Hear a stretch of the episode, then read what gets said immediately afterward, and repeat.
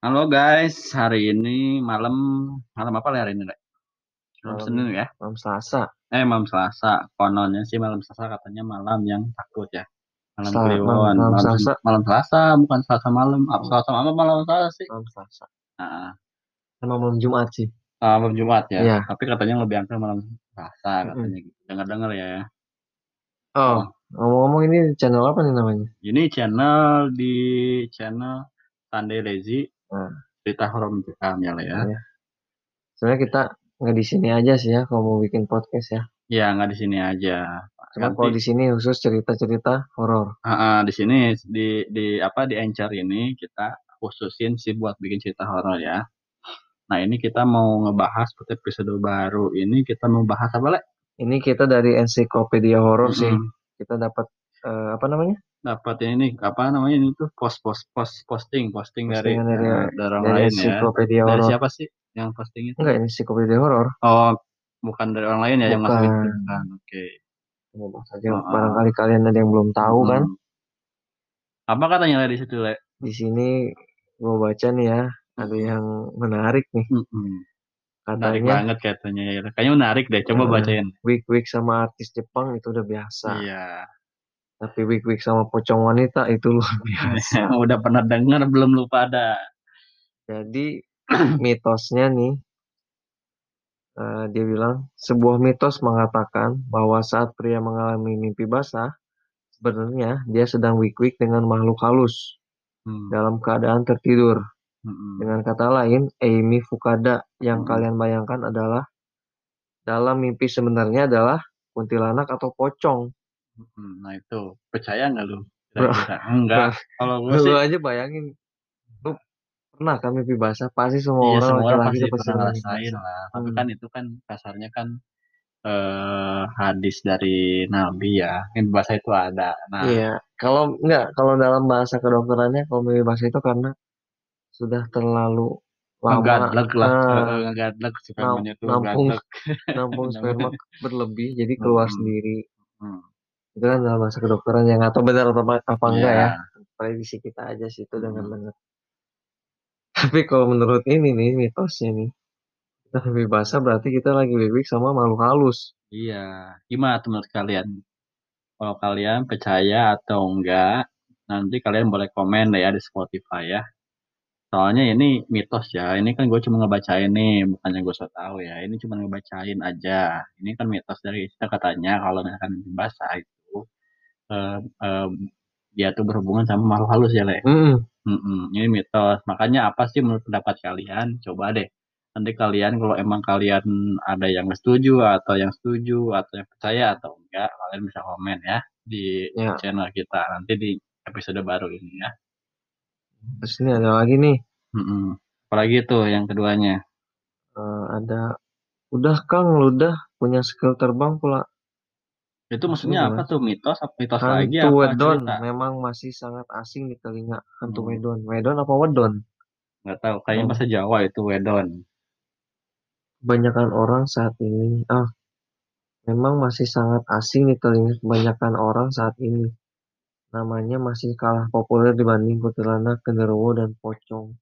Wedon sebetulnya sangat dikenal oleh masyarakat Jawa. Oh iya dari Jawa Hmm, lah. kan bener kan dari Jawa. Suara apaan tuh?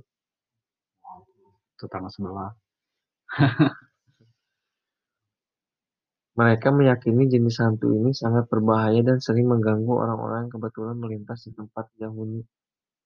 Nganggu doang apa nyelakain nih. apa bisa body contact gitu dia. Coba bacain lebih lanjut. Ketika menampakkan diri kepada manusia, biasanya makhluk ini berwujud seperti kain putih yang melayang-layang. Pada awal kemunculan, ukuran makhluk ini hanya sebesar kambing atau kelinci. Berarti kecil dulu. Hmm, kecil ya. Lama-kelamaan, sang wedon akan berubah menjadi tinggi besar. Saking tingginya, wajah dari hantu ini tidak kelihatan. Hijau lah mungkin ya. Gitu. Iya, jadi mungkin dari jarak jauh itu kayak kecil. Yang didekatin dia tuh Gede. kalau mungkin gini ya, orang itu semakin takut. Mungkin dia makin jadi-jadi lah ya, dari kecil tuh jadi gede, gede, gede, gede. Hmm. Akhirnya dari mulai bentuk lucu jadi menyeramkan mungkin gitu.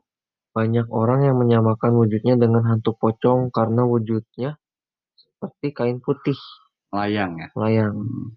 Tapi konon hantu ini sering mengganggu manusia dan sangat berbahaya. Berbahaya katanya. Hantu wedon dapat menyerang manusia dengan menyemburkan ludahnya. Dia bisa ngeludah kan? Oh, gue pernah lihat tuh di YouTube ya ada yang kan channelnya siapa tuh yang diludahin sama pocong.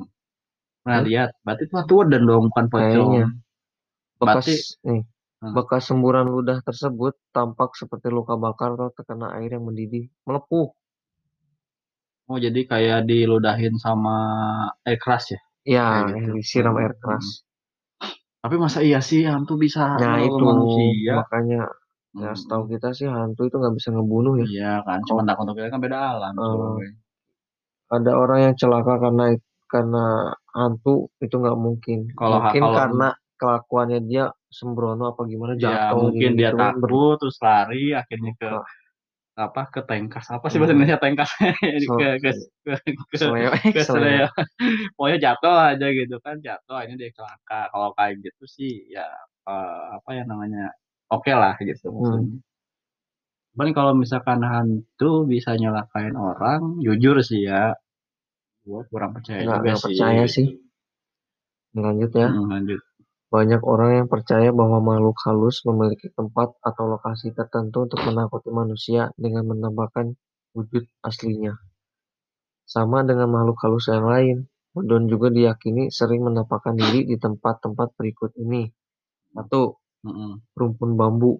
Waduh, Rumpun bambu hmm, kayak pohon-pohon bambu pohon gitu. bambu Rumpun bambu merupakan tempat favorit bagi makhluk halus jenis ini. Ia biasa menampakkan wujudnya di antara rimbunnya pohon bambu. jadi merinding loh gue Hmm, Malam-malam lagi.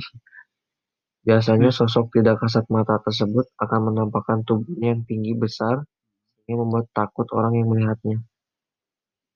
Berarti eh, di antara bambu-bambu itu dia menampakkan diri. Ya mungkin kayak yang orang yang mau mancing atau mau Hmm, yang lewat. yang lewat aja pokoknya ya Makanya- siapa juga aja jarang orang yang melewat pohon bambu Iya. emang zaman dulu Zaman Buat sekarang, kalian ya, kan. kalau misalkan Mm-mm. ngeliat rumpun bambu mending hindari lah Mm-mm, daripada kalian pokoknya. takut atau diganggu kayak kayak Hmm, gituan. kecuali kalau kalian berani tantangin Yes. terus penasaran boleh lah tuh Yang kedua di Hmm. kebun pisang. Wah, ini banyak banget ya. di kebun pisang mah jangan kan Pontianak juga ada Iya, yang di jantung katanya sih ya kebun pisang. Mm-mm. Wedon, ju- Wedon juga dipercaya sering menampakkan diri di antara deretan pohon pisang. Mm-mm. Biasanya hantu jenis ini akan menampakkan wujudnya yang sa yang seperti kain berwarna putih yang kelamaan akan terlihat semakin tinggi. Banyak orang yang menyangka ia melihat hantu pocong. Oh, berarti memang pocong. Iya, ya kan karena bentuknya seperti pocong. Berarti jadi- jangan jangan semena-mena orang nyalahin pocong, pocong, Oh, pocong. Itu oh. bukan bentuk pocong. ya kan namanya alas mah putih kayak kayak generawa ya hitam. Hmm. Yang ketiga makam tua. Ya iyalah makam tua. Mm-mm. Kalau di makam ya jelas lah semua hantu ada, ya kan. Sudah lazim bagi banyak Iya. orang untuk takut melintasi tempat ini Mm-mm. di waktu malam katanya. Mm-mm. Karena bukan hanya hantu wedon saja yang mungkin akan menampakkan dirinya di tempat ini ya berbagai macam Iya, berbagai macam hantu juga ada. dan yang klub-klubnya sendiri Iya. lah. Ya mungkin kalau emang kalian baik di tempat kayak gitu, terus ketemu dengan ciri-ciri seperti ini, berarti itu wedon. Apalagi sampai nyelakain kalian, berarti itu benar adanya gitu. Tapi karena mungkin ini cuma cerita, jadi eh hidup mitos ya kali lah ya. Yang keempat sih. nih ada nih terakhir nih. Pohon beringin. Aduh. Nah, pohon beringin udah udah itu nggak memang ada. rumahnya. Iya, rumahnya semuanya di situ kerajaan jin juga mungkin ada di situ kali. Tempat yang sering untuk menampakkan hantu wedon yang terakhir yakni pohon beringin. Bagi sebagian masyarakat Jawa, tumbuhan jenis ini dianggap angker. Hal ini dikarenakan mereka sering melihat penampakan makhluk gaib di tempat tersebut. Banyak juga yang meyakini bahwa pohon beringin sering dijadikan tempat bermukim atau bahkan kerajaan lembut. Nah, pasti di tempat kalian itu adalah ya yang namanya pohon beringin. Pastilah. Lu jalan-jalan ke mana pasti eh, nemuin lah yang namanya pohon beringin. Nggak nggak di nggak di Jakarta, nggak di Sukabumi, nggak di Bandung, itu pasti ada pohon beringin. Iyalah, tempat-tempat juga ada. Dan konon katanya nih, pohon-pohon beringin itu kan susah ya untuk ditebang. Ya, ada yang nebang pun dia pasti sakit Hmm, kononnya. Ada yang meninggal, Mm-mm. pohon beringin kuatnya mungkin. Sampai orang yang bisa juga, orang yang punya kelebihan, dipanggil buat apa namanya bantuin eh, Ritual musir lah ya iya. musir Berdoa dulu, minta izin tetap dulu. ada yang nggak kuat juga. Tetap ada yang enggak ya kasarnya eh, enggak diizinin gitu kan. Ya seperti itulah. Jadi intinya eh, hantu wedon ini baru mitos ya Pak ya? Iya. Mm, belum, belum percaya juga sih. Ya. pokoknya belum pernah kalian lihat ya. kalian kalau kalau emang kalau gue sih yang nyai kun kun itu udah pernah. Mm-mm. udah pernah lihat. Cuman kalau wedon belum ya. Udah belum jangan lah jangan sampai. Jangan sampai. Pokoknya gini soalnya aja dah. bisa ngeludah. Iya pokoknya kayak gini aja. Kalau emang kalian nggak percaya sama wedon itu dan pengen percaya kalian bisa datang tuh ke tempat-tempat yang kita tadi tapi ini fotonya serem banget bro lihat. Bikinan kayaknya Le. bikinannya film dari film itu. Kayaknya. Mm-mm. ternyata mungkin ya kayak gini Hmm. juga sih. Bentukannya sih kayak pocong gede rusak lidah menjulur gitu ya Mm-mm. ya lidah Pokoknya lidah panjang ya. sang ludah terus Oke kalau misalkan guys. gini nih Nggak. Gimana gimana? kita nih 10 orang Mm-mm. ketemu hantu wedon terus Hmm. dia harus ngeludah sepa- 10 orang itu Salah satunya cuk paling. cuk cuk Nggak sebanyak mungkin. apa sih anjing air Udah ludahnya kayak kobra aja. kayak Ya orang udah. derik Oke guys, saling ini hanya mitos ya guys ya. Kalian percaya atau tidak? Yang Terserah sudah kalian. melihat atau belum? Yang pe- yang eh, apa? Yang percaya atau tidak? Yang melihat atau belum? Mitos atau enggak? Itu baik lagi ke, ke kepribadian dari kalian masing-masing ya. Oke, untuk episode kali ini kita akhiri dengan Bismillah. Bismillahirrohmanirrohim. Bye. Tunggu di episode selanjutnya ya. assalamualaikum Waalaikumsalam.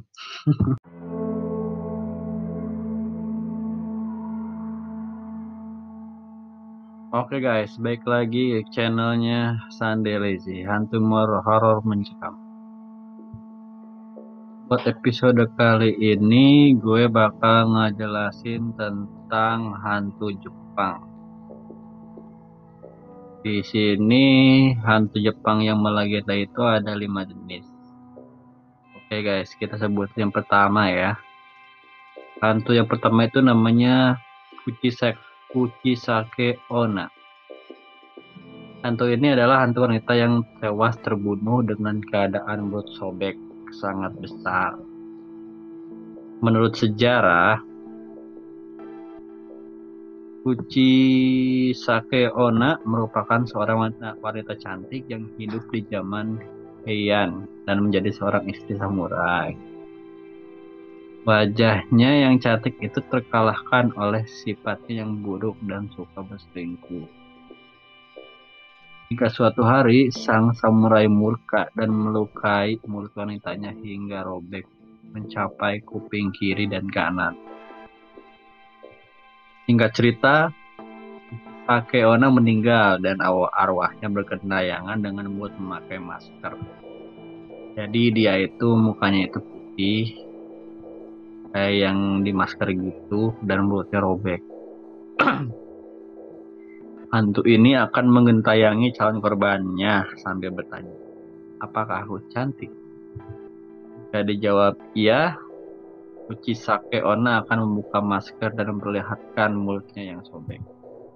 Banget kan? Setelah itu dia akan bertanya lagi, bagaimana kalau aku sekarang? Jika dijawab tidak, Uchisake Onna akan mengoyak kulit korbannya dengan gunting atau pisau agar mirip dengannya. Wih, parah. Nah, itulah hantu Kuchisake Onna. Jadi dia eh, kalau bertemu korbannya dia selalu bertanya dia cantik enggak gitu. emang misalkan kata si cowok apa kata si korbannya korbannya rata-rata cowok ya. Kalau misalkan kata si cowoknya cantik nah dia pasti nunjukin tuh mulut yang sobeknya.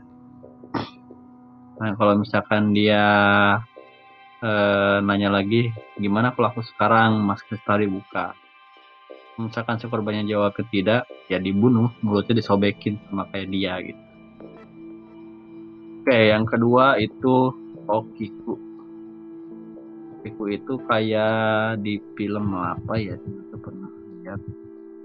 Lupa juga film jadi karakter ini diadaptasi dari berbagai karakter Onryo atau hantu pembalas dendam yang dikenal melegenda Salah satu inspirasinya adalah Banco Sarayasiki yang menceritakan tentang riwayat mengenaskan yaitu Oki. Menurut mitos, Okiku merupakan pelayan yang pernah menghilangkan satu dari sepuluh pusaka milik tuannya. Sejak kematiannya, setiap malam terdengar suara Okiku yang merapa, meratap sambil menghitung pusaka dari dalam sumur. Begitu sampai ke angka 9, suaranya berubah menjadi tangisan memilukan. Kabarnya arwah Okiku baru bisa ditenangkan jika dari atas ada orang yang berteriak kata 10 lengkap. Gitu. Jadi kalau misalkan kalian pergi itu terus diganggu sama hantu itu bilang 10 cukup dia bakal hilang. Tuh katanya tuh anak kecil sih mukanya serem ini yang ketiga nih ya namanya ini teke-teke apa sih Oh, teke-teke merupakan hantu yang paling sering diperbincangkan di Jepang. Berarti yang terkenal banget hantu di Jepang. Konon, ia adalah hantu wanita yang meninggal secara mengenaskan di sebuah stasiun kereta Hokkaido. Kabarnya teket-teket jatuh di atas rel kereta dan tubuh bagian bawah. Oh jadi hantu padat ya. Arwahnya tersebut lantas menghantui seluruh kota untuk mencari bagian tubuhnya yang hilang. Teket-teket digambarkan merangkak dengan kedua tangannya dan bagian pinggang hingga kakinya sudah tidak tidak, tidak lagi perhatian setengah badan. Suara getakan yang muncul dari langkahnya terdengar seperti kata teke-teke. Kalau kamu dihampiri teke-teke, kira-kira aku ketakutan setengah mati enggak ya? Ya tergantung orangnya juga. Kalau orang yang penakut ya lari. Kalau nggak takut ya paling disamperin. Serem juga sih kalau setengah badan. Eh, ini yang keempat nih namanya Yotsuya Kaidan. O Oiwa seperti Sadako, arwah Kayako yang mantui di film Ju-on. The Grudge juga hanya karakter semata. Hanya terin terinspirasi dari mitos Yatsuya Kaidan yang menceritakan Oiwa. Bedanya Kayako disiksa hingga tewas oleh suaminya. Wow. Sedangkan Oiwa diracuni suaminya yang bernama Lemon hingga cacat dan tewas secara mengenaskan tapi bukan Eric Lemon kan Hantu Oiwa kemudian membalas dendam dengan Lemon sorry kepada Lemon Singkat cerita, Lemon melangsungkan pernikahan kedua kalinya bersama wanita lain. Dari pernikahan sang mantan, Oiwa mengganti wajah mempelai wanita menjadi wajah rusak. Rasa ketakutan, Lemon justru memenggal calon istri dan menduanya. Dihantu si hantu itu ngerasukin wanita lain gitu yang dekat dengan si Lemon itu. Dan si Lemon ketakutan dan setiap cewek yang dekat sama dia itu bunuh. Agak-agak lihat si Lemon itu ngelihat pahakannya rusak mukanya. Itu ceritanya. Nah ini hantu yang kelima adalah Toire no Hanako-sang ada dua film yang menceritakan tentang Hanako si hantu toilet. Hmm. Oke, judulnya itu School Mystery yang rilis di tahun 1995 dan Toire no Hanako di tahun 1998. Kedua film tersebut bercerita tentang Hanako, hantu gadis cilik yang kerap muncul di toilet sebuah gedung sekolah. Hanako digambarkan sebagai seorang gadis kecil dengan rambut pendek yang mengenakan rok merah. Menurut sejarah, Hanako terbunuh saat serangan udara pada zaman perang. Ya udah yang perang kayaknya. Versi lainnya menyebutkan si Hanako dibunuh oleh predator seksual yang mendapatinya bersembunyi di dalam toilet. Oh jadi fokus dulu sebelum parah. Kisahnya sangat populer tahun 1980-an dan masih sering terdengar hingga saat Oke. Jadi si hantu itu kayaknya masih ada sampai saat ini. Nah itulah uh, lima jenis hantu Jepang ya. Namanya itu satu Kochisake Ona yang mulutnya robek keduanya itu Okiku Okiku itu kayak di film apa ya The Ring kalau salah ya. The Ring The Ring itu loh. Tentu Oki anak kecil yang keluar dari sumur.